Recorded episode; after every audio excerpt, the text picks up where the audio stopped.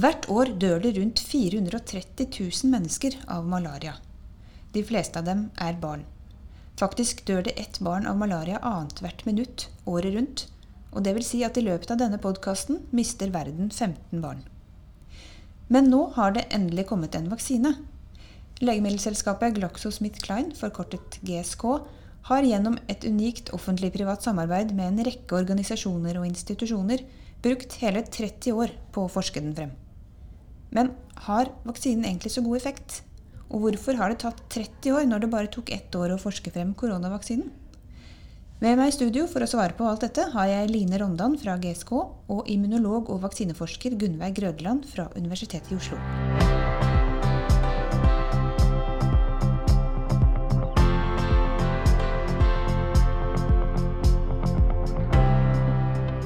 Line Rondan, selskapet du jobber i, GSK, er det legemiddelselskapet som sammen med flere offentlige instanser står bak denne vaksinen, som heter Mosquirix.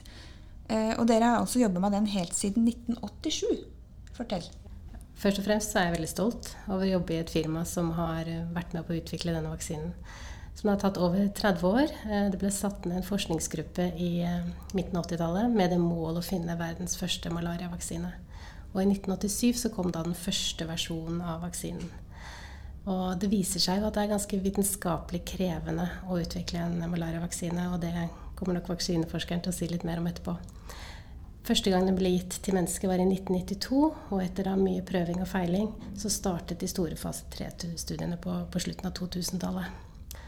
Og i 2015 så ble vaksinen medisinsk godkjent av legemiddelmyndighetene, og var da verdens første malariavaksine, og også verdens første vaksine mot en parasitt. 2015, ja, men Hvorfor er den ikke tatt i bruk før nå? Ja, det var, det var, noen utfordringer med dataene. Det ene var at effekten var lavere enn det man hadde håpet på.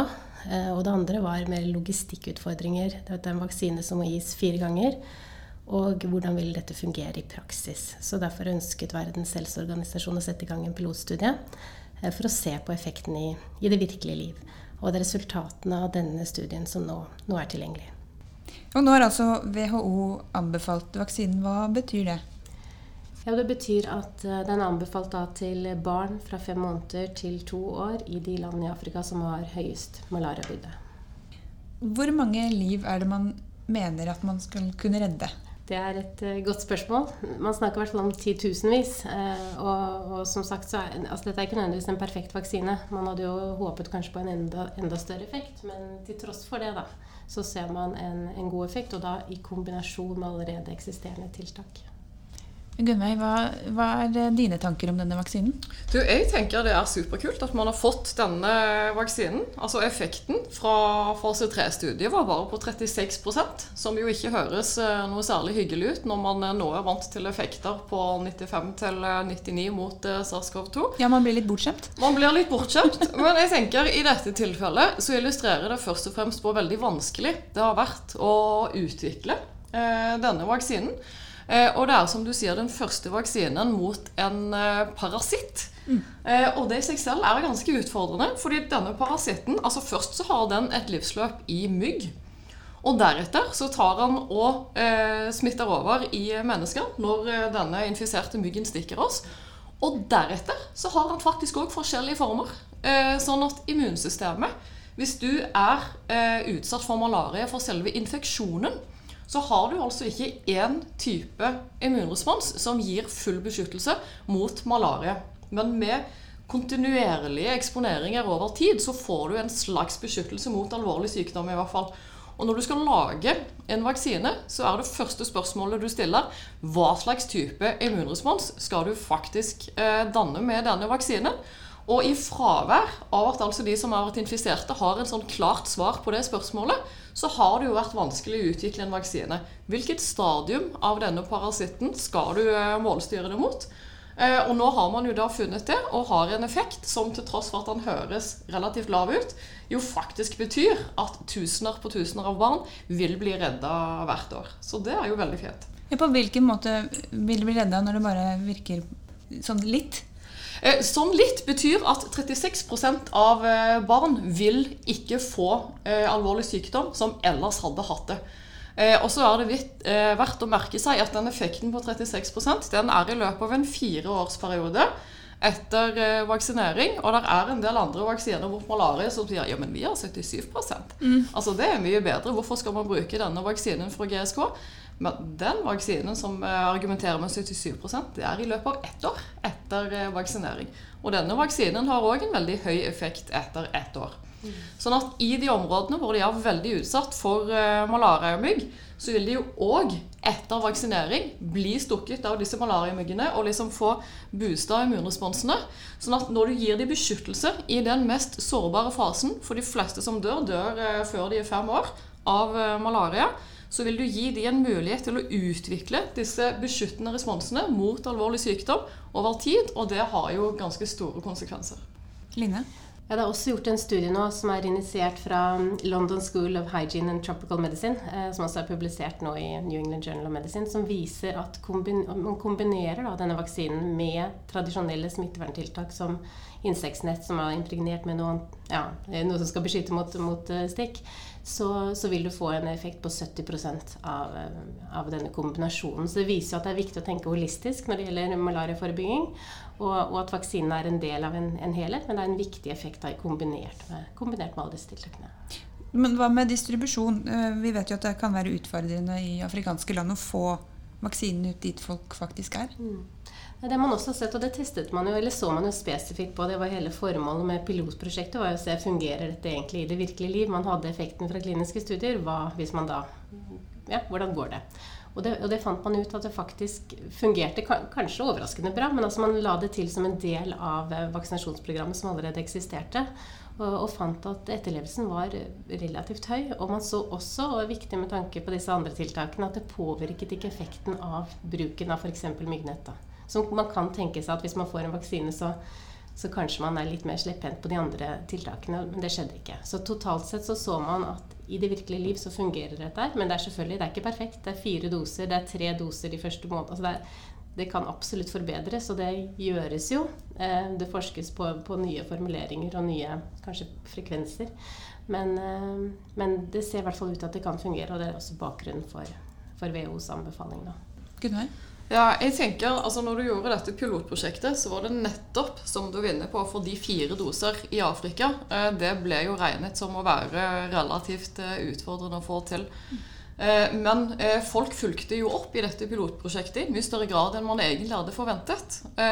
Og det sier jo òg at når folk skjønner betydningen av vaksinen, og det er vilje, så klarer du å løse infrastrukturproblemer i Afrika helt fint. Kan man lære noe av dette i forhold til koronavaksine, da? Ja, altså jeg tenker når det gjelder koronavaksine, så er det sånn at hvis du vil, så får du det faktisk til. Det er mulig å kjøre fryseaggregater og til Afrika. De har strøm. De har en del infrastruktur. Det er ikke bare jungel. Sånn at hvis du vil, så går det faktisk. Mm. Det tror jeg vi skal huske på der òg. Ja, hvem er det som ikke vil?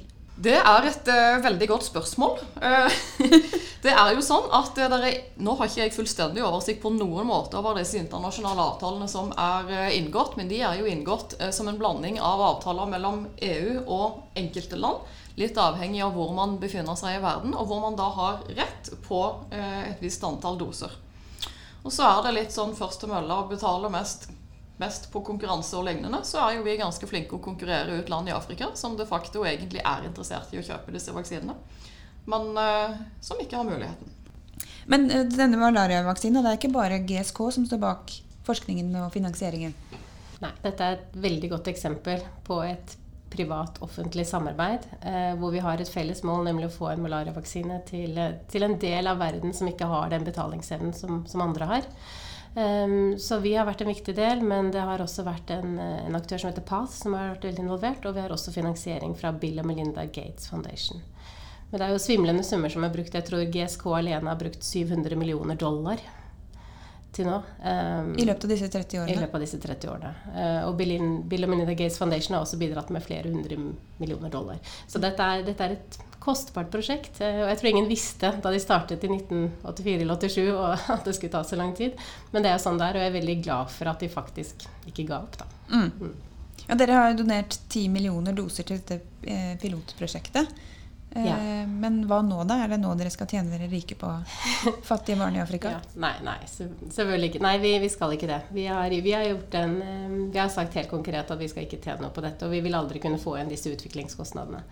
Så, så jeg har sagt eh, vi donerer 10 millioner doser nå, og så har vi sagt at vi kommer til å bidra med 15 millioner doser årlig de neste årene til produksjonskost pluss 5 mm. Og så har vi gjort en avtale med et indisk vaksineproduksjonsfirma som vil ta dette videre, som vil starte produksjon, og som vil da sørge for en enda bredere og større produksjon eh, etter hvert.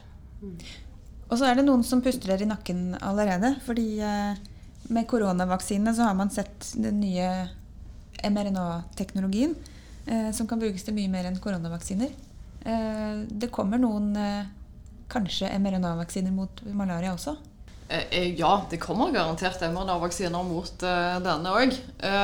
men eh, jeg tenker det er viktig å huske på, og som egentlig malaria illustrerer veldig godt, er at utfordringen er ikke å lage en eller annen vaksine. Det er å lage en vaksine som gir den riktige typen med immunresponser. Eh, og når man nå med denne vaksinen har bidratt til å identifisere noe som faktisk eh, fungerer eh, sånn ok i befolkningen, så er det klart at man med en mRNA-vaksine kan ta og så uttrykke den samme delen av dette parasittproteinet som er brukt, mm. og bruke det. Men om det vil bli mer effektivt nødvendigvis, er jo fortsatt et åpent spørsmål. Sånn at ja, noen kommer til å gjøre det, men hva som faktisk blir vaksinen som brukes eh, til slutten, det tenker jeg fortsatt vi vet. eh, ja, nå er det jo en som er godkjent. Eh, det blir stadig vanskeligere for andre som kommer etterpå. Eh, så de må være betydelig bedre hvis det skulle lykkes, og det håper man jo selvsagt på. Mm. Ja, jo flere, jo bedre. Ja. Er det enkelt å sette Du snakker om at dere skal få noen andre til å produsere disse vaksinene. Eh, Er det enkelt å sette opp eh, nye vaksinefabrikker? Og kan hvem som helst eh, produsere vaksiner? Nei, altså Det å sette opp fabrikker er jo krevende. Ekstremt krevende. Og det er nok noen som har fabrikker allerede, som kan tas i bruk gjennom, gjennom avtaler. Altså Firmaene gjør jo mer og mer avtaler med andre eh, produksjonsfasiliteter nettopp for å kunne utvikle, utvide bruken. Eh, og det er vel det vi som industri også ser på som den beste måten generelt. Altså gjøre lisensavtaler. Men hvis man skal starte på scratch med å bygge en fabrikk, så, så tar det mange, mange år. Og dette er jo fabrikk, fabrikker som må, må kvalitetssikres og sørge for at selvfølgelig ting, ting skjer på en, på en riktig måte. Så det er en omfattende prosess. Mm. Hva kan du si Gunnveig, om, om vaksineproduksjon, og hvorfor eh, det ikke bare er å sette i gang for hvem som helst? Ja, Det er jo fordi det er veldig strenge krav eh, til kvalitetssikring eh, av eh, disse fabrikkene. Altså Først så må du lage en eh, steril eh, fasilitet med sterilrom. Eh, og deretter så må du ta og utvikle prosedyrer og prosesser både for å validere hva du gjør, og deretter kvaliteten på selve produktet. Og det er langt mer krevende enn det faktisk høres ut. Og på en måte, man må være helt ekstremt opptatt av eh, detaljer. Altså alt det du skal bruke av kjemikalier, ikke inn i vaksinen, men til å produsere komponenter som inngår i produksjonsprosessen av vaksinen, skal godkjennes og produseres i tråd med ganske strenge sikkerhetskrav. Sånn at Hvis du f.eks. skal bruke salt, bordsalt i produksjonen av vaksinen, så kan ikke du gå på butikken og kjøpe bordsalt. Du må faktisk kjøpe det fra en produsent som har en validert og godkjent prosedyre som er godkjent til vaksinebruk for å bruke det. Sånn at det er mer komplisert enn det høres ut, men det er absolutt ikke umulig. Eh, Og den største vaksineprodusenten i verden, så vidt jeg vet, er jo India. Eh, Og de har jo kjempemessige produksjonskapasiteter. Så det er helt opplagt at med innsats så vil man kunne utvikle gode fabrikker som kan produsere for hele verden i de aller, aller fleste land. Patenter eh, pekes jo også ofte på som den store fienden eh, med tanke på tilgang til nok vaksiner. Løser det problemet å fjerne patenter på vaksiner? Um, delvis. eh, altså det er vanskelig med eh, produksjon, men jeg tenker at hvis du på en måte satte patentfritak for produksjon for en del av verden, så ville du kunne komme nærmere en rettferdig fordeling, selvsagt. Og i hvert fall, eh, tenker jeg, for vaksiner, hvor det har vært et betydelig offentlig bidrag inn i utvikling og eh, distribusjon eh, på alle nivåer. Og det gjelder egentlig både malaria og eh, SARS-CoV-2. Eh, samtidig, det som gjør det jo vanskelig, er at hvis du opphever eh, patentfritaket for eh, disse vaksinene og starter produksjon over eh, hele verden når man har fått etablert det, så er det litt vanskelig å putte katter tilbake i sekken etterpå. Fordi den teknologien som brukes, f.eks. til mRNA-vaksinene Hvis du utvikler produksjonsfasiliteter som kan kjøre den på SARS-CoV-2-vaksinen, så er det ingen grunn til at de ikke skal kunne gjøre det samme for en annen vaksine. Og da er det vanskelig å på en måte kommersialisere vaksiner etterpå. Så jeg ser det argumentet. Men likevel så tenker nå jeg at eh, vel, man eh, har vaksiner for hele verden, og det vil kunne løse både denne og framtidige pandemier hvis man kommer fram til en ordning som man kan leve med både i det offentlige og eh, fra privat sektor. Så ja, Jeg har ikke akkurat eh, løsningen til hvordan en sånn avtale skal se ut, men eh, det bør være mulig å få til. Line, hva tenker du? Altså, jeg skjønner argumentene som er presentert her. og Vi er i en veldig spesiell situasjon, og vi er jo alle interessert i å, at det produseres så mye vaksiner som mulig. Eh, men på generelt grunnlag så er patenter viktige for å premiere innovasjon og for å stimulere til fortsatt forskning og utvikling. Eh, så det å frigi patenter, det vil kunne få konsekvenser. Og så vidt jeg har skjønt, så er det over 200 komponenter i en, i en vaksine. Og mange av disse komponentene er patentbeskyttet. Så det er ikke snakk om én, ett patent for én vaksine, men veldig, veldig mange. Så dette er komplisert. Eh, og det betyr jo også at disse komponentene kan brukes til andre ting enn akkurat til en vaksine. Så hovedspørsmålet vi må stille oss, er om det faktisk vil føre til økt tilgang og økt produksjon ved at man frier disse patentene. Og vi tror at det svaret er nei. Og det snakkes jo ofte om en, en, patent på en vaksine som å dele en oppskrift som om det var en, en kakeoppskrift. Uh, og sånn fungerer det ikke, for dette er langt og komplisert utviklingsarbeid, og det krever ekspertise. Så vi må jo være sikre på at uh, produksjonen er kvalitetssikret. Så vi har mye mer tro på andre løsninger, f.eks. lisensavtaler. Som mange av firmaene har gjort. Det er veldig mange firmaer som hjelper hverandre. Eh, så Pfizer-vaksinen produseres av flere andre firmaer. GSK produserer for andre produsenter osv. Så, så det tror vi er løsningen. Og så ser prognosene gode ut. Eh, det ser ut som at produksjonen kommer til å ta seg opp. Og vi håper selvfølgelig også at GSK eh, kommer til å bidra til den globale tilgangen til vaksiner fremover. Mm. Jeg tenker jo I det bildet så er det ganske viktig at vi relativt rike land tar og velger å ikke betale altfor mye for å konkurrere ut eh, land som ellers hadde hatt råd til vaksiner, og ikke legge beslag på flere doser enn det vi faktisk trenger. Så det er ganske mange aspekter inne her for hvordan vi kunne fått til en mer rettferdig fordeling. Ja, for du mener at dose tre den kan vi fint vente med? Eh, både ja og nei. Jeg, eh, og da snakker vi koronavaksine? Eh, ja, det, det er koronavaksine. Men jeg har stor forståelse for at de aller mest utsatte eldre vil ha behov for en eh, tredje vaksinedose. Men for befolkningen generelt så er jo ikke det noen grunn eh, per dags dato til å vurdere det. Så at man er veldig edruelig på hva man virkelig faktisk trenger for å redde eh, liv og for å hindre alvorlig sykdom. Og så prøver vi å være så solidariske vi kan utover det. Ja, for bare så det er klart, Malariavaksinen det er det snakk om, eh, da snakker vi om Afrika og India. Mm. Mens nå snakker vi om koronavaksiner som er for hele verden. Ja. Eh, og eh, hvilke konsekvenser kan det få hvis eh, ikke hele verden blir vaksinert? Uh, ja, det altså, vi skyter oss selv i foten, gjør vi ikke det? Det er det. fordi vel, en pandemi er jo per definisjon internasjonal. og Eh, hvis du har eh, virus sånn som du har nå, som svirrer rundt rimelig uhindra i store deler av Afrika, hvor de har veldig dårlig eh, vaksinedekning, så øker selvsagt det sannsynligheten for eh, mutasjoner.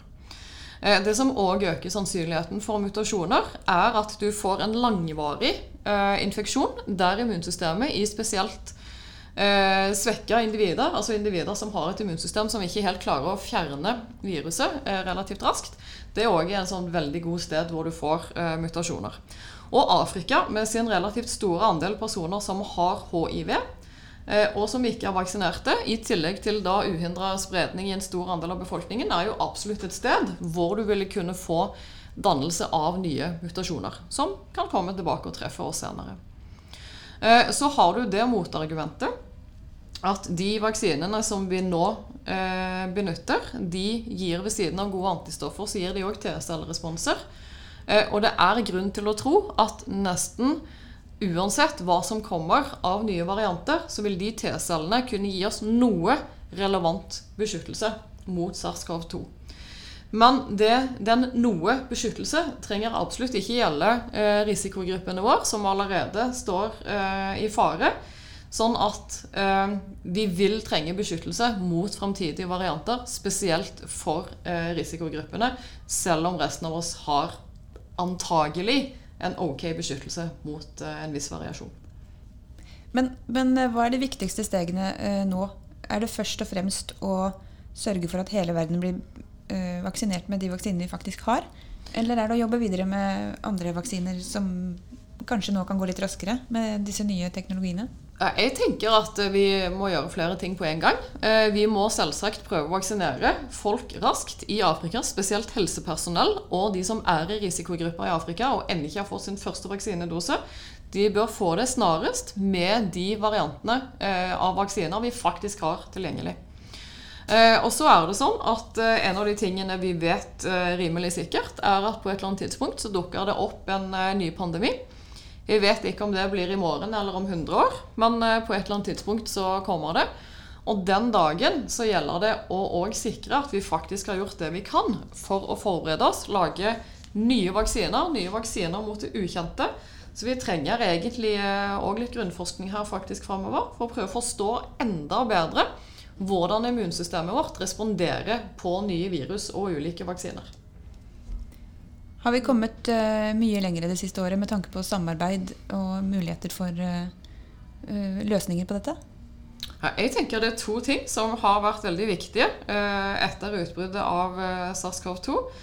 Det første er som du sier, samarbeid. Det at statlige og private aktører har gått sammen. Og man har jo virkelig klart å Det er helt utrolig hvor fort og godt ting har gått. faktisk. Og det er jo pga. fantastiske samarbeid. At folk trekker i samme retning. Eh, og eh, det andre er at nå har vi fått nye vaksineformater som er raske å produsere. altså Enten det er mRNA, som vi snakker mest om, eller DNA eller protein, så er det vaksinetyper som ikke har vært så mye i bruk tidligere, men som gir oss en helt annen fleksibilitet når det gjelder å møte neste pandemi. Det vi ikke har lært så veldig mye om, er immunsystemet vårt i forhold til variable Eh, virus, og hva vi faktisk eh, reagerer på på tvers av individer. Fordi vi vet jo at individer responderer ganske forskjellig på både vaksiner og eksponering for infeksjon. Og de mekanismene der kan vi ikke så mye om ennå. Mm. Men vi har definitivt tatt noen viktige skritt framover. Og på vaksinebloggen, som du er en av forskerne bak, Eh, så så jeg en veldig fin oversikt over eh, hvor lang tid ulike vaksiner har tatt. Og Malariavaksinen er jo den som har tatt lengst tid, ifølge mm. den oversikten. Mens koronavaksinen vel har tatt eh, kortest tid. Er dette den nye, den nye malen? Mm, ja og nei. Fordi den store forskjellen på SARS-CoV-2 og malaria, eller hiv, for å trekke inn den, er at malaria og hiv de er ganske kompliserte. Vi vet ikke helt hvilke typer immunresponser vi faktisk trenger. Og da er vaksinen vanskelig å lage, uansett om du har DNA eller RNA eller hva du nå har. Når du for eh, SARS-CoV-2 ganske raskt klarte å identifisere spike som et mål for å rette immunresponsene mot den, så blir vaksineutvikling noe helt annet. Det samme vil du kunne gjøre med eh, ebola, hvor du har et sånn glykoprotein som er ganske opplagt at antistoffer mot det, det vil funke hemaglutinin på influensa. Så du har en del eh, virus spesielt hvor du vet at antistoffer mot overflateproteinet, da er det bare å kjøre på. Da vil alle disse nye teknologiene være eh, effektive for å lage vaksiner raskt. Men for virus som altså er kompliserte, eller som er parasitter i tilfelle malaria, hvor du ikke helt vet hva du skal gjøre, så er vi ikke nærmere å få laga gode strategier.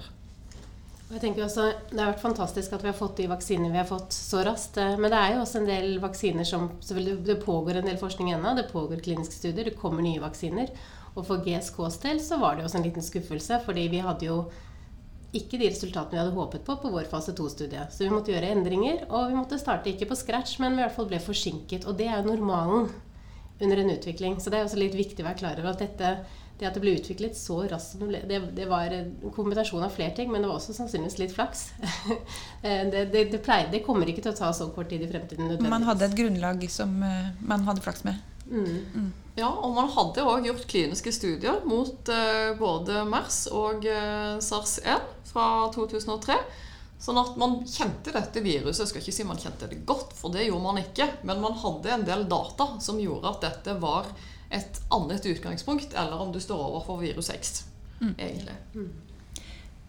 Den første vaksinen ble satt i 1796, så vaksiner er jo ikke noe nytt. Men det som er nytt, er vel kanskje at også eh, at man kan vaksinere mot en sykdom man allerede har fått, ja. som f.eks. kreft. Kan du si litt om det også? på slutten? Ja. Eh, jeg tror det eh, har å gjøre med at vaksiner mer og mer brukes ganske bevisst for å danne en bestemt type immunresponser. Eh, tidligere så tok du rett og slett bare et ufarlig eller svekka virus eller bakterie og putta inn, og regnet med at du ville få danna naturlige responser, og da ville det løse seg ganske greit selv.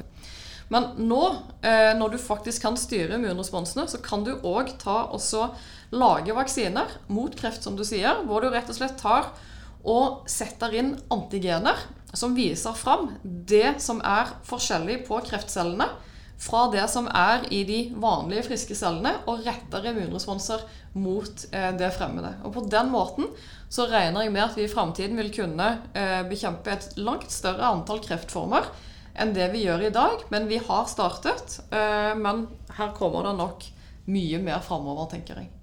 Veldig spennende. Både alt som er i vente, og alt som allerede har kommet. Line Rondan og Gunnveig Grødland, takk for at dere kom i Legemiddelbåten. Hyggelig å være her.